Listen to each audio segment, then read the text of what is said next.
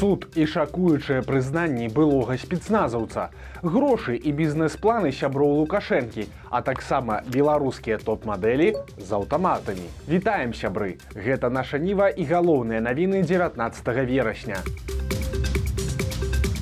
Азербайджан пайшоў забіраць карабах. Сёння пачаліся абстрэлы сцепанакерта. Сталіца непрызнаная на горна-карабахскай рэспублікі. У горадзе чуваць гукі паветранай трывогі. Мін абароны Азербайджана называе гэта контртэрарыстычнай аперацыяй і аднаўленнем канстытуцыйнага ладу. Прычым азербайджанцы кажуць, што праінфармавалі пра свае дзеянні і турцыю і кіраўніцтва расійскіх міратворцаў, якія стаяць у рэгіёне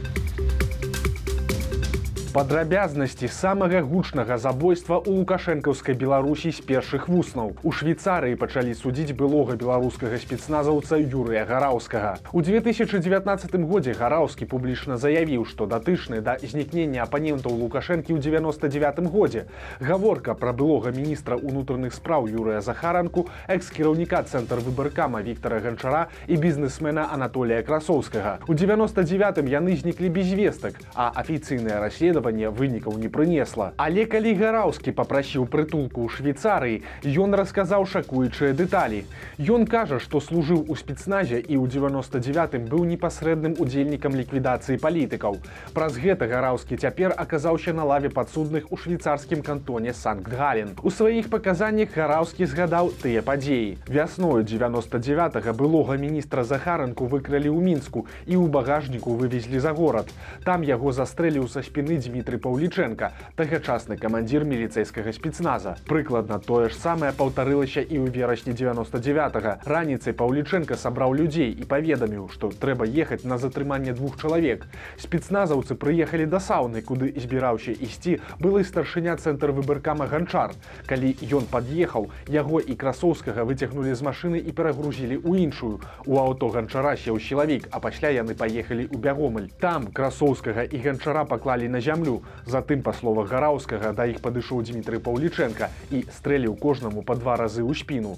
Целы распранулі і закапалі, а вопратку спалілі. Таксама гараўскі заявіў, што ў Беларусі ён пакінуў нейкія дакументы пра удзел паўлючэнкі, лукашэнкі, сівакова і шэймана ў злачынствах супраць Беларусі, але вывесці іх ён не змог. Праўда, што канкрэтна гэта за дакументы і злачынствы ён не патлумачыў. Акрамя таго гараўскі папрасіў прабачэння ў сваякоў забітых палітыкаў. Нагадаем, што юрыя гараўскага вінаваціць па спецыяльным артыкуле яго увялі ў швейцарскі крымінальны кодекс для барацьбы з арганізаванымі дзяржавай выкраданнямі і забойствамі якія не пераследуюцца па законе ўкраіне дзе адбылося злачынства.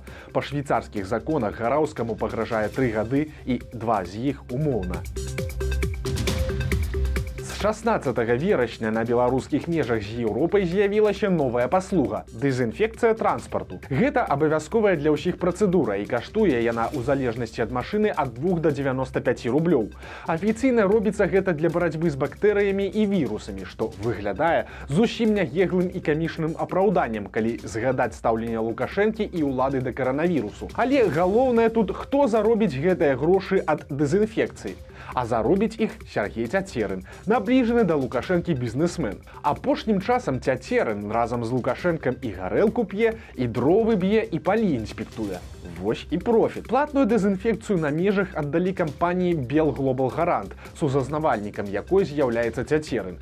Але ж колькі ён можа зарабіць на той памежнай дэзінфекцыі? Мы паспрабавалі падлічыць. Па афіцыйных данных з Еўропы ў Беларусь за суткі уязджае каля 1200 грузавікоў і недзе 2000 легкавых аўто. Па аўтобусах асобнай статыстыкі няма таму возьмем пакуль гэтыя лічбы. Атрымліваецца так. Дэзінфекцыя легкавіка каштуе ўсяго толькі два рублі гэта каля 4000 рублёў у дзень ці 120 тысяч за месяц дэзінфекцыя грузавіка ўжо 95 рублёў а гэта ўжо больш за 110 тысяч рублёў у дзень калі пералічыць гэта на валю валюту выходзіць мільён даляраў у месяц. Такім чынам, на той дэзінфекцыі будуць рабіцца дзікія сумы. За год цяцерынская кампанія атрымае каля 13 мільёнаў даляраў. Так, гэта сума бруднымі, без падаткаў і выдаткаў. Але нават калі яе падзяліць на два застаюцца мільёны даляраў. Вялікія грошы, якія зарабляюцца літаральна з паветра. Альбо, дакладней кажучы, перакладаюцца з чужых кішэняў у кішэні лукашэнкаўскага сябра. А іншы лукашэнкаўскі пратэжэ пачаў новую актыўнасць у Афрыцы. Гаворка ідзе пра Александра Зінгмана. Афіцыйна ён бізнесмен і ганаровы консул Беларусі ў Зімбабве, а неафіцыйна лабіруе інтарэсы Лукашэнкі, займаецца здабычай золата і нават быў абвінавачаны ў гандлі зброяй. Цяпер нашы крыніцы кажуць, што пасля смерці прыгожана Зінгман спрабуе перахапіць афрыканскія кантракты вагнера. Расійскія найміты пасля гібелі свайго кіраўніка паціху страчваюць і людзей і ўплывы. Выглядае, што Зінгман спрабуе скарыстацца гэтым, каб кантракты на ахову перадалі беларускаму аналогу вагнераўцаў кампаніі гардсервіс. Яна цяпер шукае людзей якраз для працы ў Афрыцы. Калі Зінгман зможа замяніць расійскіх намітаў беларускімі, то для яго адкрыецца яшчэ больш шырокае і вельмі прыбытковае поле дзейнасці, бо у абмен на ваенізаваную падтрымку дыктатарскіх афрыканскіх рэжымаў вагнер атрымліваў у распараджэнне руднікі для здабычы каштоўных металаў і іншых рэсурсаў. Ну а сам жа Лукашенко сёння прыняў чарговага расійскага губернатара, на гэты раз кіраўніка краснодарскага краю. Кубань мы рассматриваем как ключевой регион, где мы должны заземлиться. Акрамя таго Лукашенко зноў загаварыў пра вайну, зноў назваў Пуціна старэйшым братам і зноў панаракаў на Польшу і Амерыку. И последние вот наши переговоры у вас на земле были посвящены обороне и безопасности. Мы знаем, что Украина это только начало, это, знаете, цветочки. Ягодки могут нас ждать впереди, если мы э, не мобилизуемся и не покажем им, что мало не покажется. Нас больше всего настораживает Польша, да и Россия в том числе.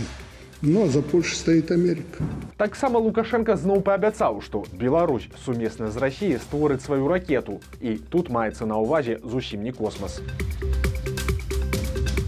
Як уяўляе сваё жыццё беларуская топ-мадэль, дэфіле, паказы, фотасесіі, модныя рэстараны. Але што адбываецца ў рэальнасці? Трымаеш аўтамат на палігоне. Мілітарызацыя праўладных і каляўладных дзейчаў у Беларусі дасягае абсурду. Цяпер мадэлі з нацыянальнага цэнтра прыгажосці вывезлі на баявыя трэніроўкі да вайскоўцаў. Там іх азнаёмілі са зброяй і павучылі аказваць першую дапамогу.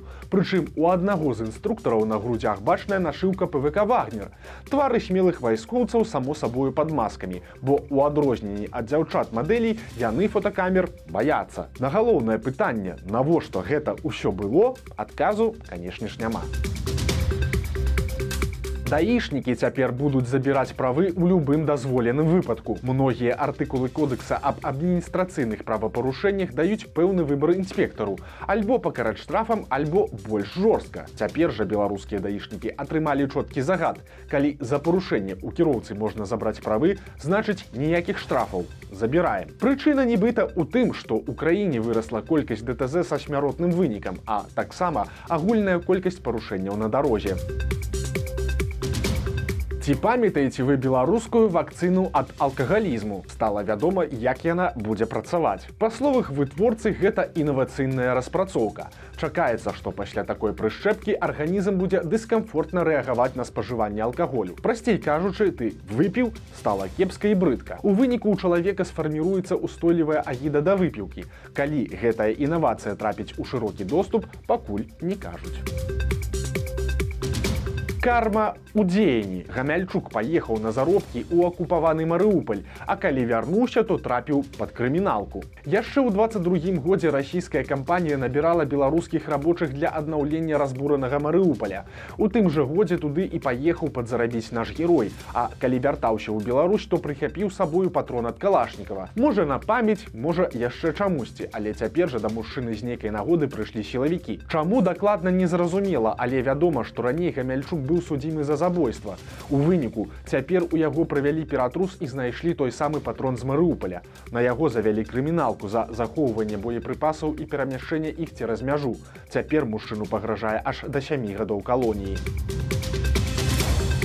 Жудаснае здарэнне адбылося ў клічаве. Там у двары прыватнага дома старэйшыя дзеці выкапалі яму глыбінёю аж у паўметры. Прайшоў дождж і ў яме не сабралася вада. Іх малы двухгадовы брацік аступіўся і упаў туды ўніз галавою. Маці дастала малога, але было ўжо позна. Ён загінуў. Нікуды не падзеліся палітычныя затрыманні. Гамельчука схапілі і абвінавацілі за тое, што ён хацеў запісацца ў пол каліноўскага. Мужчыну знялі ў пакаяльным відэа. У канцы роліка яго прымусілі выгукнуць слава рассіі. А работніцу кампаніі бульбаш затрымаў губазік, нібыта за абразу рускіх. Жанчыне ставяць у віну нейкія каментары ў адрас жыхароў рассіі, якія афіцыйна абвінавачванні выставіць затрыманым пакуль невядома.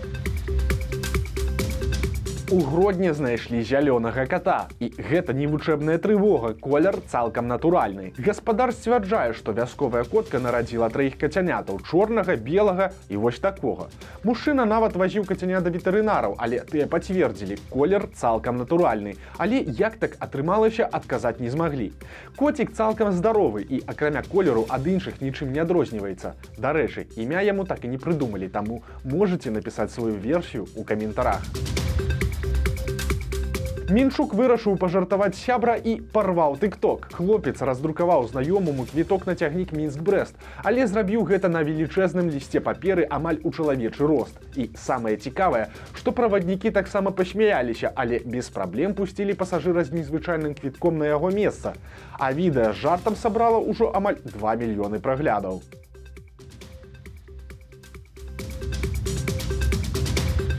Вось такія навіны аўторка. Подписывайтеся на канал, ставьте лайки альбо дызлайки, выказывайте свои заўвагі ў каментарах. І канешне, чытайце нашу ніву, глядзіце нашу ніву і любіце Беларусь.